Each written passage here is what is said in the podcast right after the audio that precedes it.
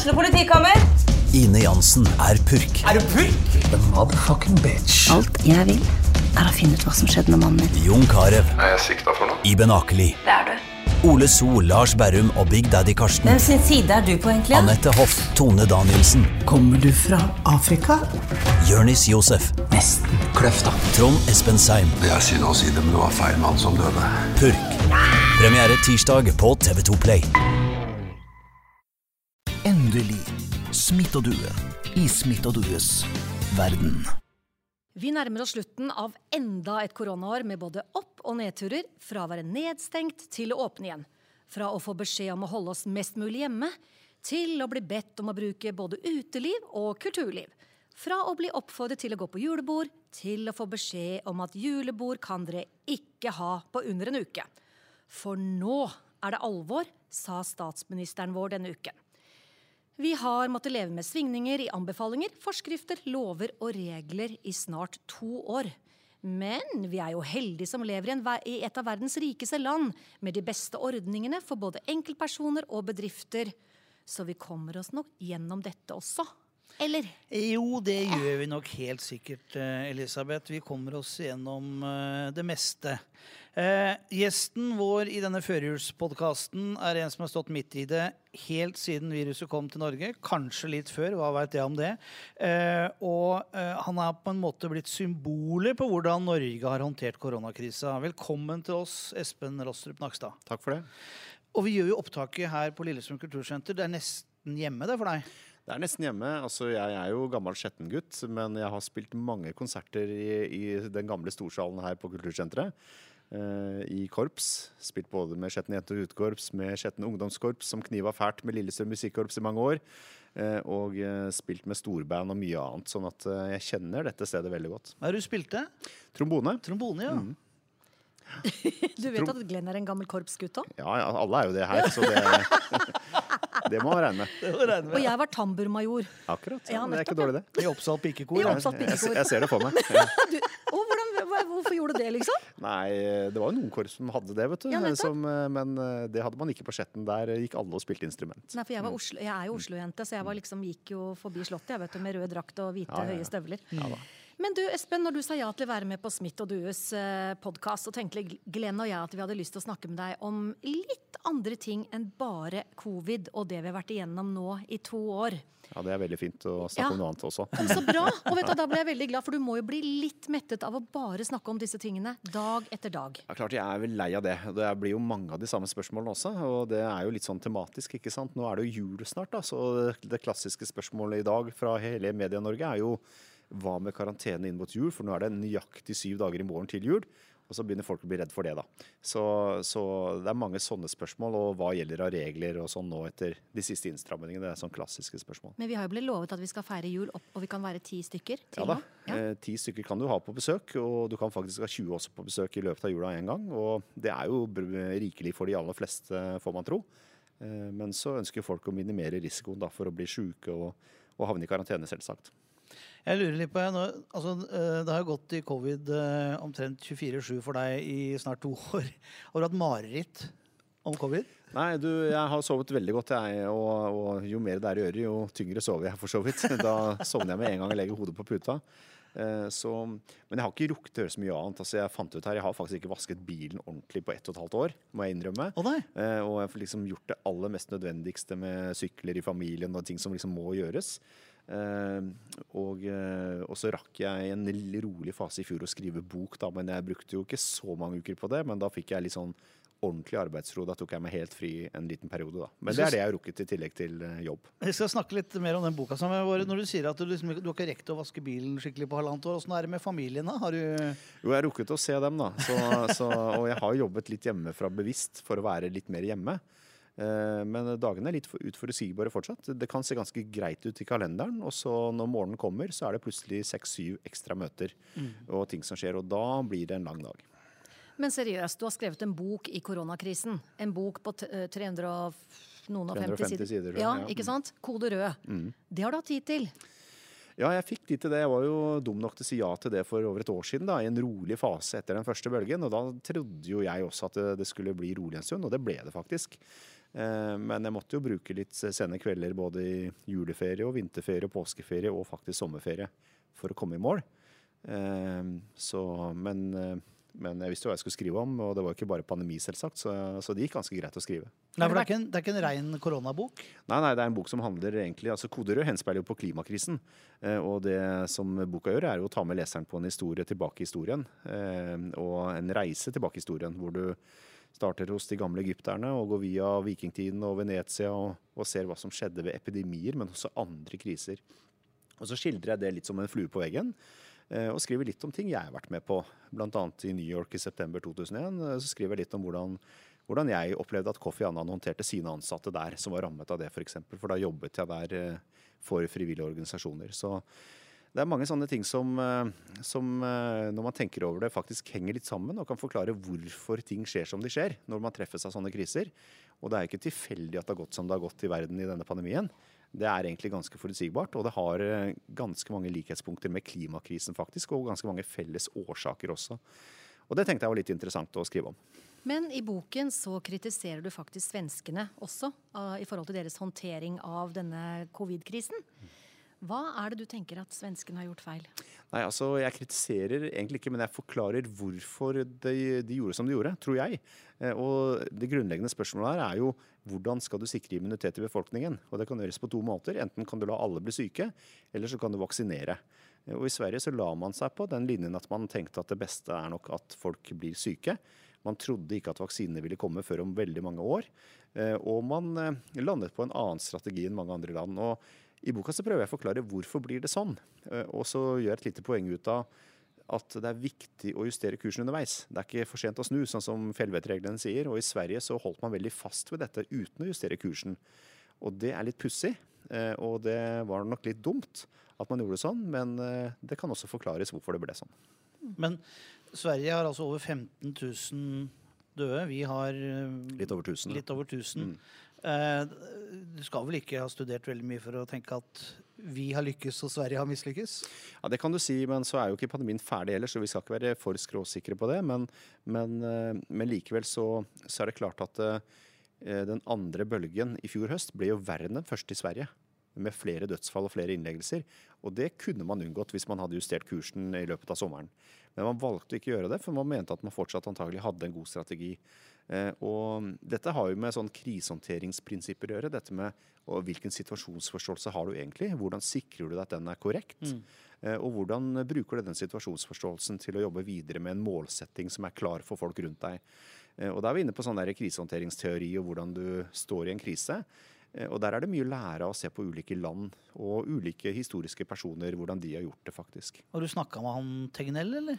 Du, Jeg har sittet i noen debatter med Tegnell en gang. Jeg husker det var ved Politisk kvarter eh, hvor Bent Høie og jeg satt eh, Jeg snakket fag, og han snakket kanskje også fag, egentlig, og ikke politikk. Men da var Tegnell med fra toget på vei til jobb, tror jeg. Så, men jeg har ikke diskutert så mye med Tegnell, annet enn et par ganger i i eh, sånn eh, radio- eller TV-sammenheng. Han har ikke ringt og bedt om råd? altså? Nei, jeg kjenner jo ikke han og hans kolleger, men Eh, i FHI så er det en del som kjenner, kjenner han bedre. Ja. Så han har jo mange gode kolleger og er jo en flink fagmann i utgangspunktet, Tegnell. Mm. Og det er jo ikke bare han som har styrt Sverige i denne pandemien, det er jo mange som, som har bidratt til det. Mm. Og svenskene har også gjort veldig mye bra. Uh, og levd veldig, jo, levd veldig likt som det vi gjør i Norge. Det må sies. Men Espen tror ja. at vi må belage oss på å vaksinere oss flere ganger uh, i året? I Tiden som kommer? Jeg tror på litt lengre sikt eh, at man ikke må det. Jeg tror kanskje man de første årene etter hvert må kanskje gi de mest utsatte en ekstra dose. Litt sånn som man gjør med influensa. Uh, men det er nok ikke sånn at du trenger en vaksine hvert år framover. Men det er litt tidlig å si. Fordi vi trenger en sterkere immunitet i verden først. Og den immuniteten den kommer jo dels gjennom de vaksinene vi har fått, dels de vaksinene som kanskje skal settes ut i verden i hele 2022, eh, og det at folk har vært syke og fått immunitet på den måten. Og selv om ingen av disse tingene gir deg 100% immunitet og beskyttelse, så bidrar de til at viruset får stadig større problemer med å spre seg, og i stadig eh, mindre grad endrer seg. Og da vil vi til slutt vinne over det viruset på den måten at det blir mer som en influensa som kommer av og til, og som vi kan leve godt med. Mm. Men du, én ting til før vi skal over til jula. Det gleder jeg meg til. Men har du tenkt på eh, i forhold til FHI, altså i hvilken grad de skaper frykt hos befolkningen i forhold til det de pusher ut all the time, i samme som media gjør, hver dag. Ja, hvis du tenker på de der scenarioene med disse 300 000 smittede per dag og sånn, eh, og det scenarioet da pandemien begynte med to millioner smittede eh, før sommeren, så er det klart at det er viktig å huske på at dette er scenariobeskrivelser, det er ikke prognoser. Eh, Sånn at eh, Dette er jo matematiske utregninger hvor du ikke tar høyde for at tiltakene har effekt, eller at man har vaksiner f.eks. Eh, og så kan man spørre seg hva er vitsen med å regne på det da? Eh, og, og det er for så vidt et godt spørsmål, men, men det er jo for å belyse egenskaper ved et virus. Eh, hvordan det egentlig ville forløpe hvis man ikke hadde disse virkemidlene. Eh, og det er, det er fort gjort å glemme. Og så blir det fort noen sånne avisoverskrifter da, hvor det, folk tror virkelig at det kan bli så mange per dag. Det tror jeg er veldig lite sannsynlig, eh, for å si det sånn. Fordi vi har allerede tross alt en effekt av vaksin, vaksiner og av tiltak. Ja, så godt å høre. Vet du, du er så flink! Stolt av deg! Skulle ikke tro du hadde gjort noe annet. Nei, ikke sant? Det, det kan du si. bare, bare et spørsmål om vaksinemotstandere, Espen. For Ja. det er jo noen som ikke vil ta uh, vaksine. Jeg skjønner ikke hvorfor, og vi skal ikke henge ut verken den ene eller den andre. Men, men um, de har så mye rare teorier uh, som jeg opplever som litt sånn litt farlige. Uh, hva, hva tenker du om vaksinemotstandere? Nei, altså Det er ulike personer, ulike typer personer som har takket nei til vaksine. Noen har en god grunn, eh, andre eh, har mindre gode grunner. Men noen er også hellig overbevist om at vaksine er en konspirasjon fra Bill Gates eller et eller annet. Altså det er, og det er jo mange sånne ekkokamre i sosiale medier hvor folk eh, tror på det de hører da. Og det er vanskelig å forholde seg og diskutere med mennesker som ikke legger liksom, objektive fakta til grunn. Og det kommer ofte ikke så langt ved å diskutere med dem heller. Men det har jo vært i denne pandemien eh, store problemer eh, eh, i noen land med dette med alternative nyheter mm. og sosiale medier, hvor det har blitt ordentlig skyttergravskrig. USA er kanskje et godt eksempel på det.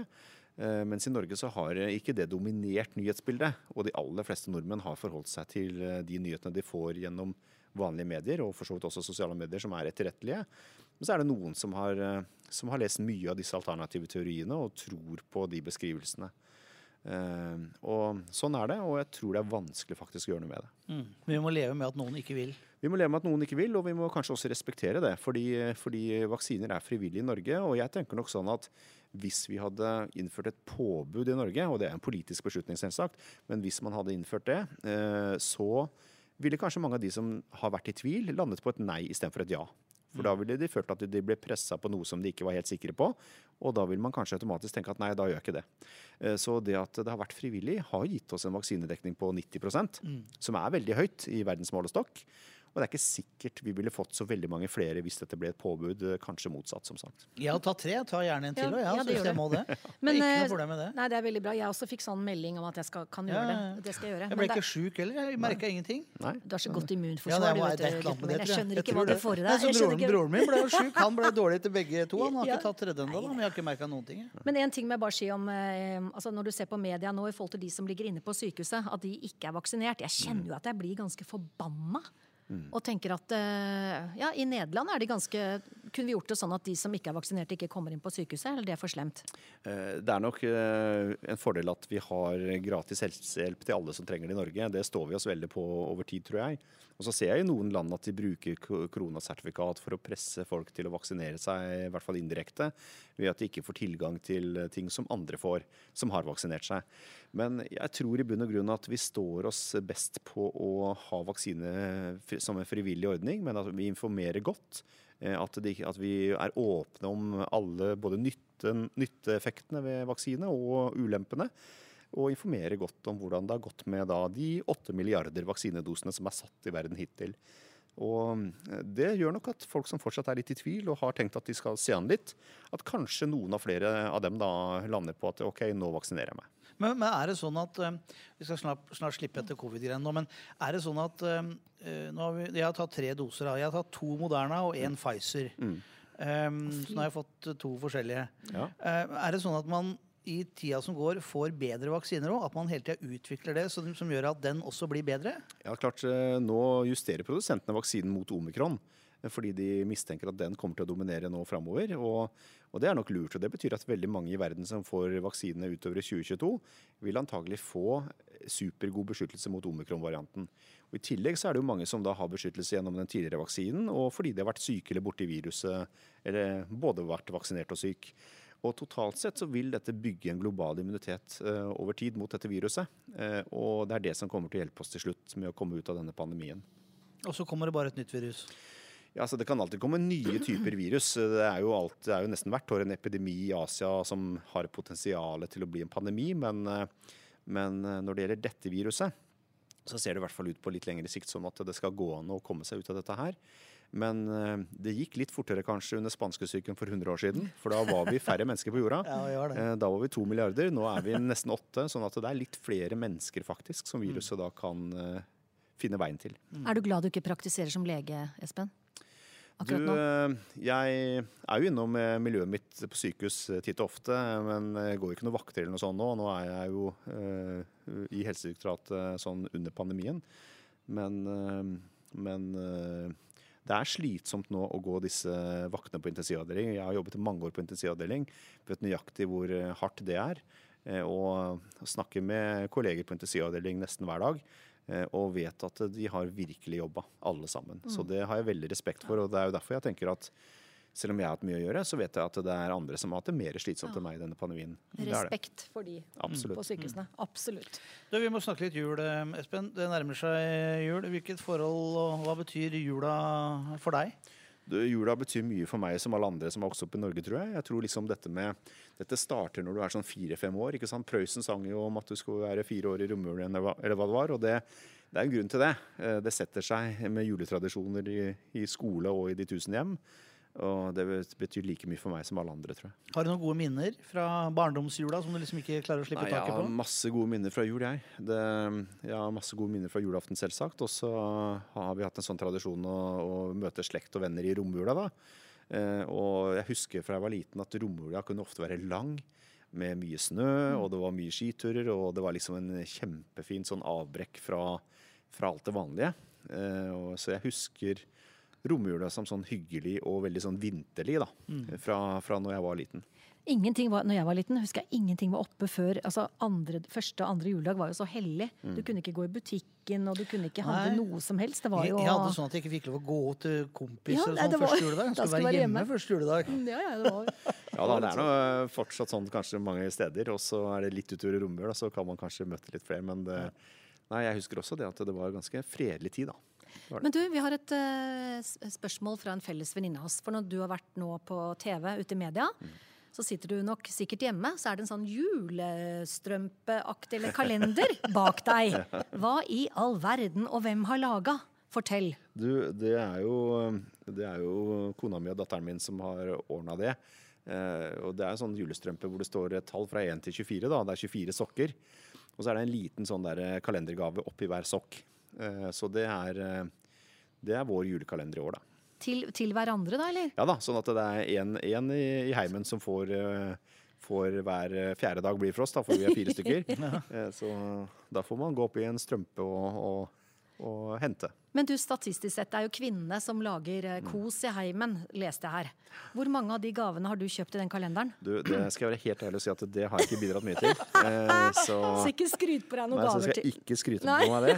Eh, Så prøver jeg å gjøre mitt, jeg også, selvsagt. Men, eh, men eh, jeg skal innrømme at det har Jeg har ikke bidratt mye, og jeg har ikke handlet mye, mange julegaver. Men hva gjør du for å skape stemning i heimen, da, utenom å være glad og blid og Nei, men du, da tror jeg Det første det jeg faktisk har gjort, var å kjøpe juletre ganske tidlig i år. Ja. eh, Og få satt opp juletre, og det fikk vi pynta og sånn. Og det, det var med tanke på at eh, jula kommer veldig fort. Jeg tenker at Å pynte juletre lille julaften, sånn som jeg husker da jeg var liten For det var jo litt sånn at Ja, ja. du da våkna på julaften, da var plutselig juletreet der. Ja. Og det var gaver der og sånn under juletreet, og det var veldig spennende.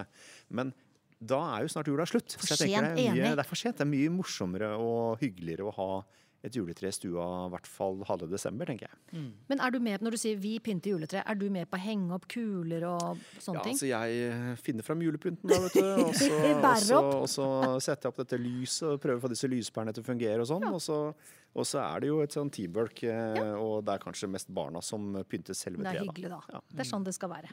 Ja, så Men har du, altså du sa du har ikke mm, kjøpt så mye julegaver. Kjøper du noen julegaver, da? Jeg pleier jo å kjøpe julegaver, men eh, jeg er ikke av de beste på det. Altså, Alle får ny, den nye boka, kanskje? Ja, du det, Den eh, boka har nok blitt en julegave til en del i slekta, i hvert fall. Det har det blitt. Men, eh, men ellers så er jeg litt sånn seint ute, dessverre. Og egentlig så er det jo hyggelig å kjøpe julegaver. altså Hvis du kan planlegge tidlig og så legge litt sånn tanke og omtanke bak en gave, så er egentlig det en veldig fin ting.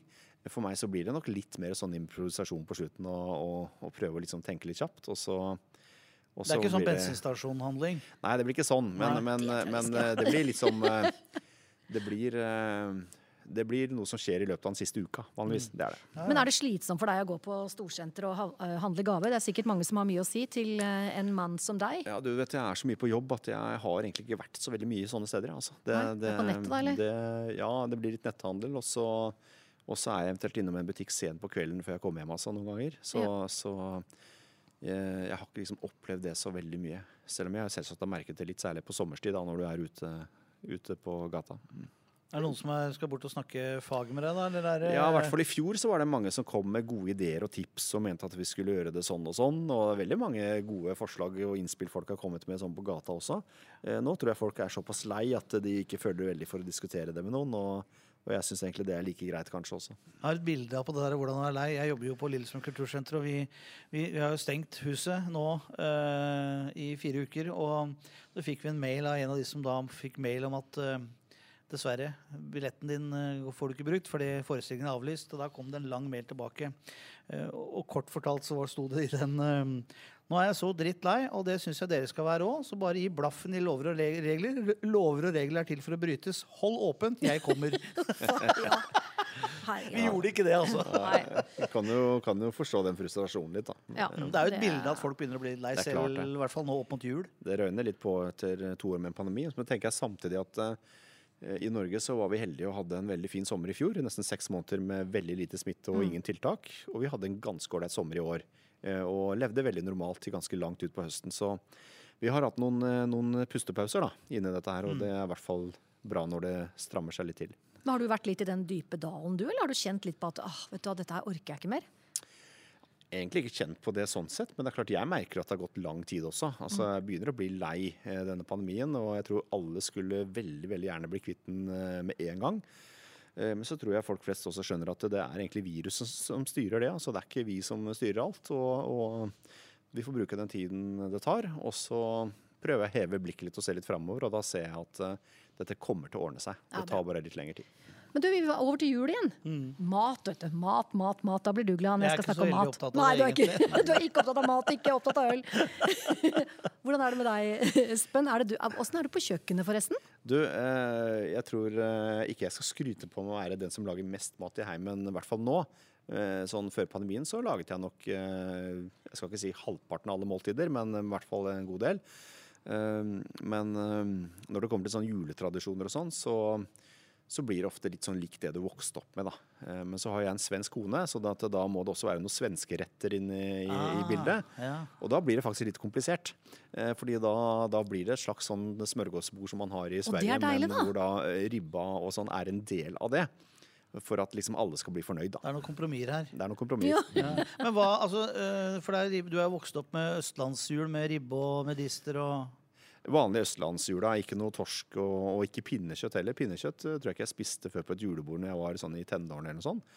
Det er egentlig veldig godt, Ja, ja. og jeg skjønner godt at eh, vestlendinger spiser det. Men det er jo sånn at uh, den maten du har på julaften, det forteller veldig mye om uh, hvor slekta di egentlig kommer fra. Mm. Det er egentlig så, så enkelt. Men er du tradisjonsmenneske, sånn uh, i det hele og det Ja, som de fleste andre, tror jeg. Eh, prøver å holde på juletradisjoner og prøver å liksom gjøre det samme for barna som jeg opplevde selv.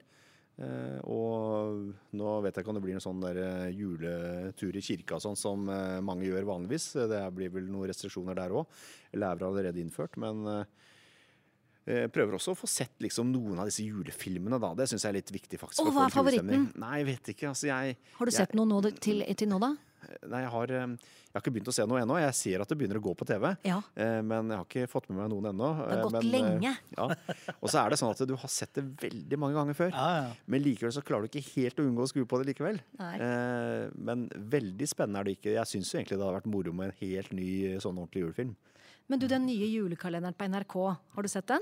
Jeg har heller ikke sett den. Jeg har bare sett noen bruddstykker og reklame og sånn, men den ser jo bra ut. Den er helt fantastisk. Jeg har ikke sett den heller. Kristianias magiske juleteater. Mm. Eh, og det er jo både for barn og voksne. Og jeg ser jo Jeg bare elsker den.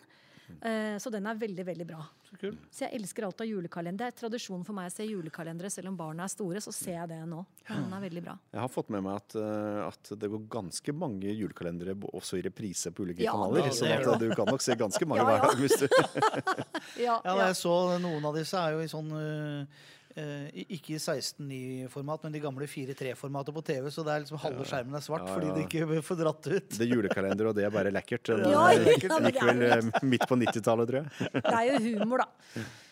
Um, når, det betyr det at du ikke lager ribba, eller lager du ribba på julaften? Uh, Den er jo egentlig laget seg selv når den kommer ja, ja. i hus, for så vidt. Sånn at, eh, at eh, Men det er jeg- mulig å ødelegge ribba. Jo da, jo, jeg er med på det. Eh, Men eh, Så jeg er med på å lage mat. Men eh, de svenske rettene er jeg ikke like god på. Er det det er- kjøttbuller, eller hva er det på Ja, det er kjøttbuller, og de har Det liksom er en sånn buffé, er det ikke det? da? Det er en slags buffé, og de, har jo, de har jo sånn eh, eh, egg med reker på er liksom med, og så er det Janssons frestelse, som er sånn blanding av potet og løk, som liksom eh, tilberedes i en sånn eh, form da, i Ja. ovnen. Og så har du kjøttboller, selvsagt, og, Sild, og mye sild. prinskorv og sild, ja. Ja. Og sånn brød som du dypper oppi liksom det som er igjen etter at du har kokt juleskinka. Og juleskinka er jo sånn typisk svensk, da. Ja. Og den er jo, det er en skinke du skjærer og har på brødskiva, ikke sant. Så, så det er eh, veldig annerledes, egentlig. Egentlig så er det ganske overraskende store forskjeller Mm. på juletradisjoner i hele verden, egentlig. Når du Mm. kommer hjem til stua og kjøkkenbenken. Da er da du ser forskjellene. Ja, ja, ja, det er jo det. Den lille akevitten, er den med på det svenske Ja, den er nok med på det svenske, ja. Eh, Ja. Så eh, jeg er ikke så veldig glad i det selv, men, eh, men det er ganske svensk. Det er jo det. Så det er blitt et slags smørgårdsbord med juleribbe attåt. da, Sånn Ja, at, ikke sant. at de norske som er til stede, føler seg ivaretatt. Og disse gavene da, Espen. Hva er når du får spørsmål fra familien din hva du ønsker deg? Altså, hva Nei, Det er jo vanskelig, ikke sant? Fordi Ikke sant? når man er liksom eh, sånn oppi 40-åra som meg, så har du liksom det du føler du trenger. Det er ikke sånn at det er sånn kjempeviktig å få en ny jakke eller et eller annet, men, eh, men eh, likevel så er det hyggelig å få noe, da. Det er veldig kjedelig å høre det når du spør eh, mamma og pappa hva ønsker Ingenting, jeg har alt. Snille barn. Ja, ja, hva sier sant? du da? Nei, det er jo, jeg sier jo egentlig litt av det samme, og det er jo egentlig et veldig teit svar. Ja, det er, vet du, det er så teit. Ja. Så, men det er vanskelig å liksom si noe, men uh, da får man gå litt i seg selv da, og så faktisk uh, finne på noe. Eh, så Ikke covid-vaksine til hele Nei, ikke sant. Finne på noe der. som er litt gøy, og som er, er morsomt å kjøpe for andre, da kanskje. Ja, du gjør det. Ja, jeg prøver det. Ja, så bra. Så bra. Men du vet hva jeg elsker i julen? Å tusle rundt i julepysjen min. Og se på julefilmer. Og jeg er skikkelig julete. Du har jo vært hjemme hos Ja, meg ja, ja, det og sett julete. fra første Det lukter jo, det er sånn julelukter i alle rom. Men uh, har du noe julepysj, Espen? Jeg lurer på om jeg kunne Ja, kunne jeg har ikke det, men jeg har sånne juletøfler. Ja. Jeg, har, eh, jeg har noen sånne juletøfler med Rudolf på, Åh. eh, som jeg fikk for noen år siden. Og så skal jeg ikke påstå at jeg alltid husker å bruke dem på jul. Eh, Men det er jo morsomt, da. Jeg har jo julesokker og mye rart liggende. Så Men føler du deg skikkelig gæren når du går i tøflene, eller? Jeg føler meg ikke veldig gæren, men jeg føler jo at det er litt morsomt. Eh, Så For Smith og du har nemlig kjøpt en julepysj til deg som du skal bruke hele jula og kose deg i. Så bare vent. jeg får sitte med det når jeg streamer. Med Ja, det, jeg håper det, altså.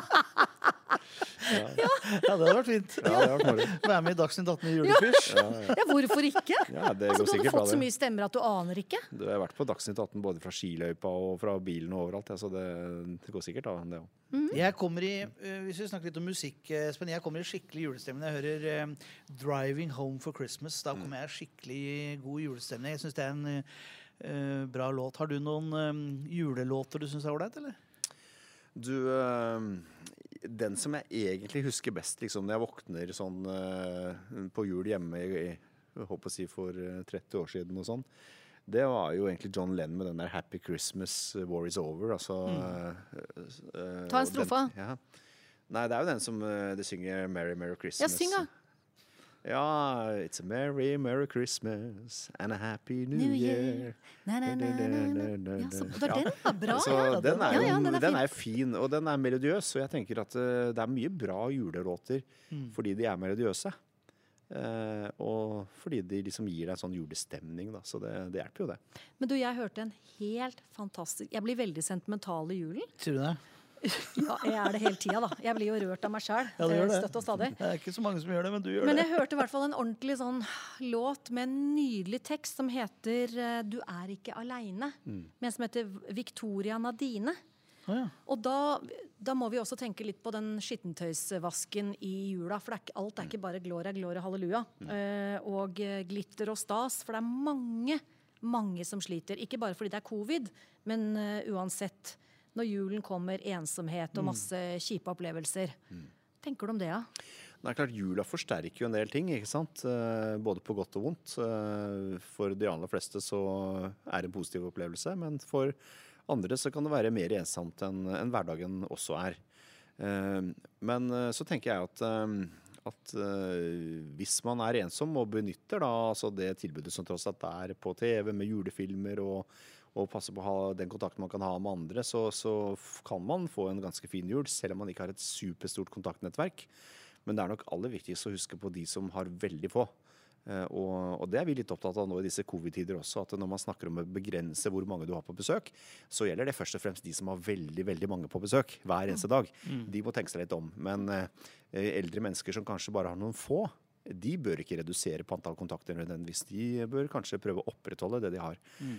Så, så det viser, og det, det sier vi fordi at vi er veldig klar over det. At jula er en, en tøff tid som ofte forsterker eh, følelser. Og de som har mista noen, f.eks., gruer seg ofte litt til jul. ikke sant? Fordi, fordi da blir det enda mer tydelig at det er noen som ikke er der. da. Det behøver ikke være sånn at man eh, tenker at ok, jeg, jeg, veit at det er en som sitter alene, men jeg kan ikke invitere en hjem til meg. Hvis, hvis man er fire fra før, da, så gjør ikke man og blir den femte hvis den ene sitter Nei, og alene. det kan man veldig godt gjøre. Og det å liksom huske på naboen sin eller slektninger som, som eh, ikke har så mange, det, det er veldig viktig å gjøre. Og da er det bedre å spørre og få nei enn, eh, enn å ikke gjøre det, i hvert fall, tenker jeg. Du er jo flink til det, Elisabeth. Ja, vet du hadde jeg hatt uh, muligheter og, nå, i forhold til de tidene som er nå, så hadde jeg Jeg tenker at ingen skal sitte alene på julaften.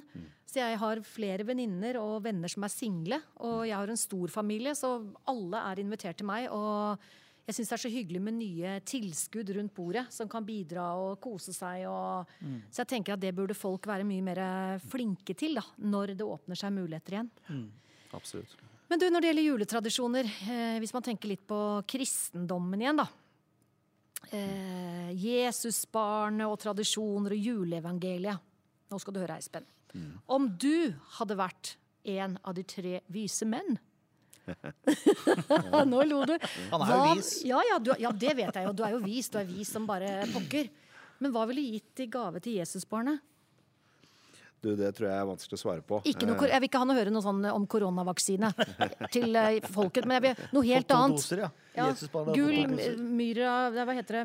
Du, Røkelse. Gull, røkelse, myra. Jeg, Ja. jeg husker jo liksom fra sånne skoleoppsetninger og sånn eh, på barneskolen at, at liksom, ja, hva vil egentlig et lite barn med gull, røkelse og myra? Det er ingen av de tre gavene er kanskje spot on. Eh, Jeg tror kanskje nyfødte barn heller vil ha en liten sånn eh, koseleke eller noe sånn eh, som de kan knytte seg til. Så det ville kanskje vært en bedre gave. Det er litt annerledes for Jesusbarnet nå. Babyshower i disse dager, så er det jo litt andre ting folk ønsker seg. Men det. Mm. hva ville du gjort? Du ville gitt en kosegave til Jesusbarnet? Du, jeg tror i hvert fall det er standardgaven min til nyfødte. Ja. Eh, Sånn eh, generelt, som jeg sier det. Da er det liksom å se, fins det en sånn der liten sånn kosebamse eller en sjiraff eller et eller annet som eh, En sånn kjempesjiraff Nei, som nei, står sånn over seng? bitte liten en Sånn som de kan kose seg med, og, og som de knytter seg til. Ja. Det er noen barn som gjør det, faktisk. Og så har de den, det kosedyret da i de første leveårene sine. Ja. Og du, Glenn, hva ville du Du, gitt? jeg, jeg hadde tenkt fælt på dette her. Jeg hadde gitt en flaske med Lillestrøm-akevitt. Til Barnet, Jesusbarnet? Ja, som, og så skulle jeg fortalt uh, Jesusbarnet når det blir gammel nok til å drikke akevitt, bakgrunnen for det, for jeg har jo vært med og lagd den. Mm. Ikke sant? Ja.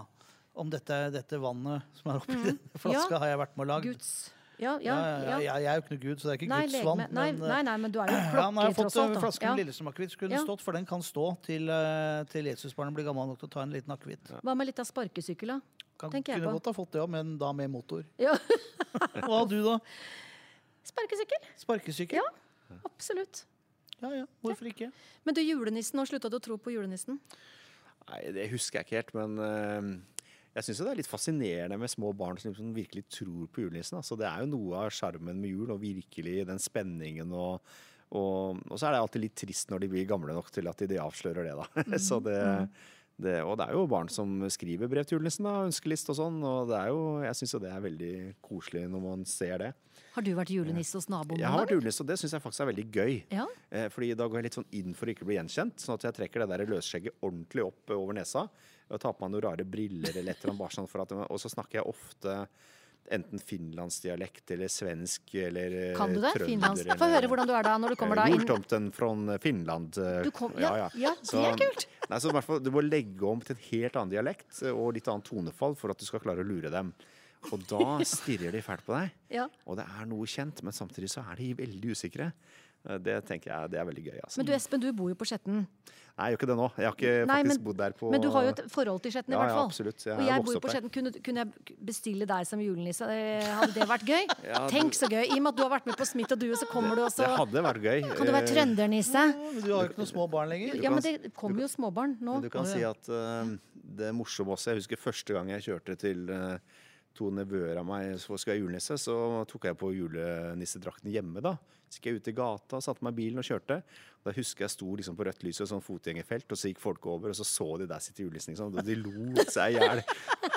Så det er jo litt morsomt. Det er en del julenisser ute og kjører bil også. Altså, Ja, ja, ja. Jeg, var jo, jeg har vært julenisse noen ganger, ganger jeg òg. Jeg trenger jo ikke pute på magen. vet du. Nei, det gjør du ikke. Nei, går av seg sjøl, det der. Men, men eh, så var jeg i nabolaget eh, borte på Volla i Lillestrøm her.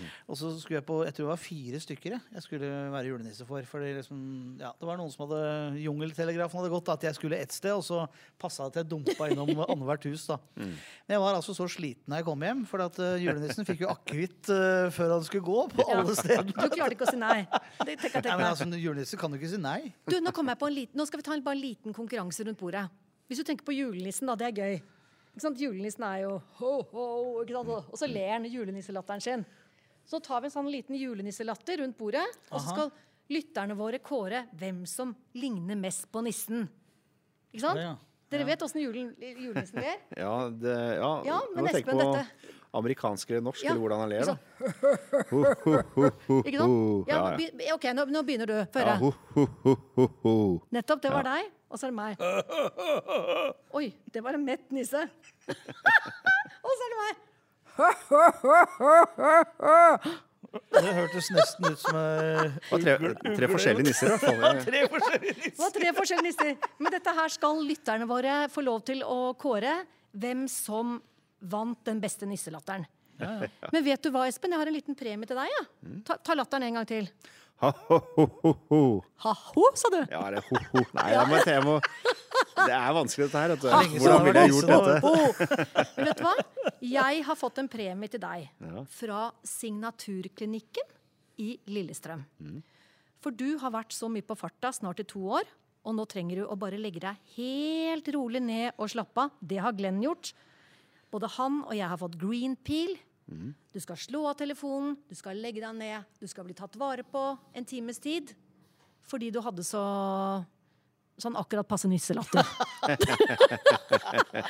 Så da, skal du, da kan du bare si fra en dag du har lyst på nyåret, eller før jul, til å ta en green peel, Signaturklinikken Lillestrøm. Det skal jeg gjøre. Ble du glad nå? Ja, det høres veldig behagelig ut. Ja. Og så håper jeg at jeg får tid til det. Det er jo det som, Det er som, nettopp eh, det, og det må du ta deg tid til. det, kanskje. Mm. Hva ønsker du etter jul, da?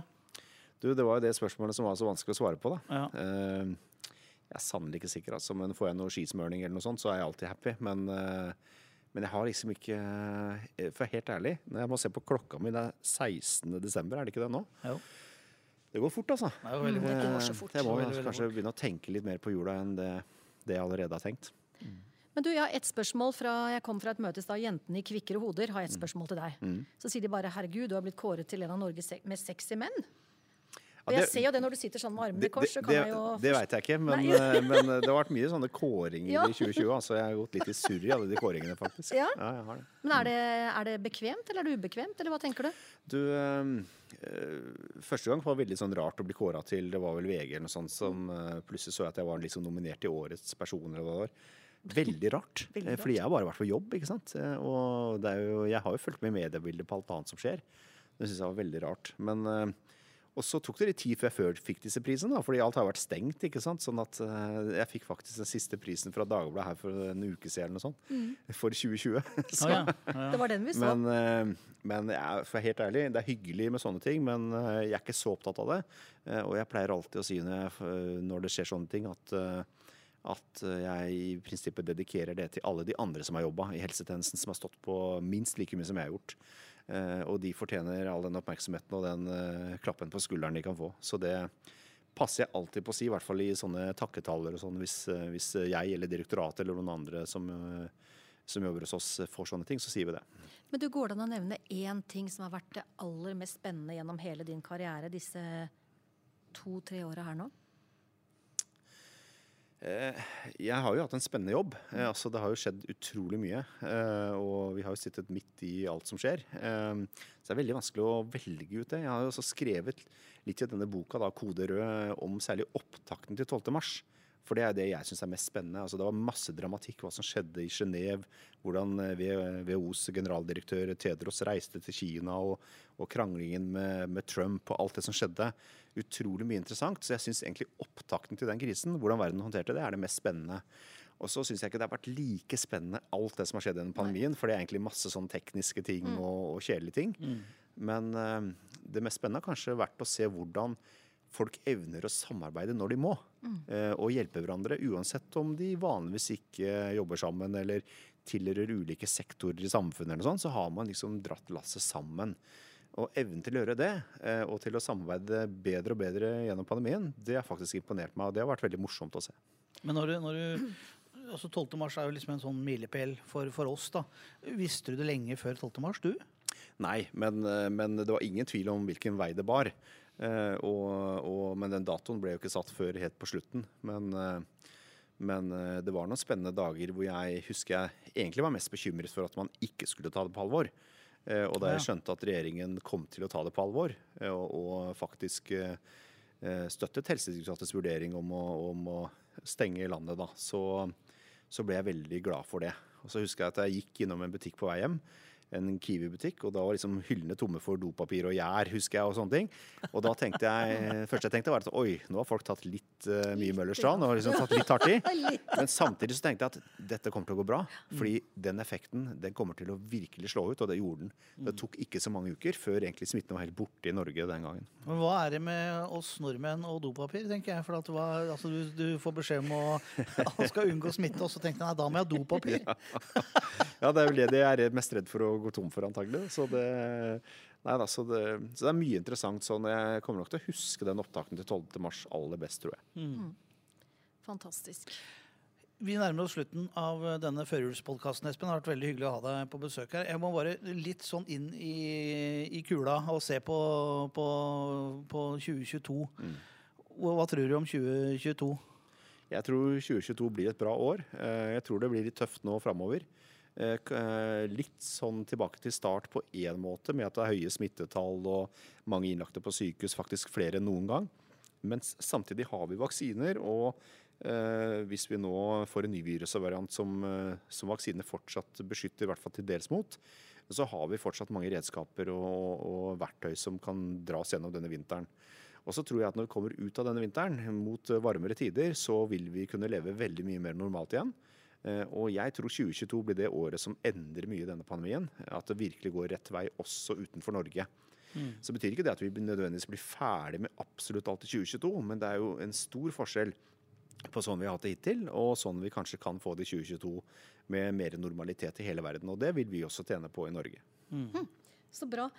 Og vet du hva, Espen? Vi skal ha livepodkast i Lillestrøm hvis alt går som det skal. I slutten av februar, eh, begynnelsen av mars. Har du lyst til å være gjest, eller? Du, jeg kommer gjerne jeg, hvis eh, det er mulighet for det. Det er sammen med May-Britt Andersen, blant Ja da, annet. det da skal vi synge. 'Tenk om verda bare var ei balanse' Ja, det blir gøy! Nei, men Det er hyggelig. Men det har vært så koselig å ha deg. At du tok deg tid til å komme til Smitt og Due. Det har vært veldig, veldig bra. Ja, takk for at jeg fikk komme. Det var veldig hyggelig. Tusen takk skal du ha, og takk for at uh, dere andre har hørt på.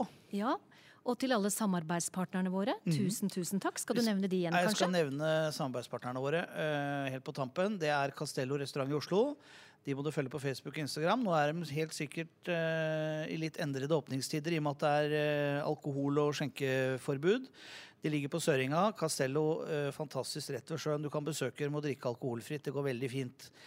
Og så må vi takke Ager Interiør. Du kan følge de på Instagram. Ager-interior. Eh, De kommer også med spennende ting i løpet av neste år. Og så er det Megleprint i Lillestrøm. Du kan gå inn på megleprint.no og følge de. Og så er det Oscar Studio Galleri som ligger i Vollgata i Lillestrøm. Et galleri som skal være et sted hvor du kan oppleve gode fotografier på utstillingene og kjøpe bilder rett fra veggen. Støtt våre samarbeidspartnere. Og så trenger vi flere, så bare ta kontakt med markedsdirektør Elisabeth, så skal vi nok lage en fin avtale. Hun er som å forhandle med en hai. Takk for det, og god jul! Tusen takk for at dere hører på oss. God jul, alle sammen. God jul, alle sammen. Ha det! Smitt og Dures. verden.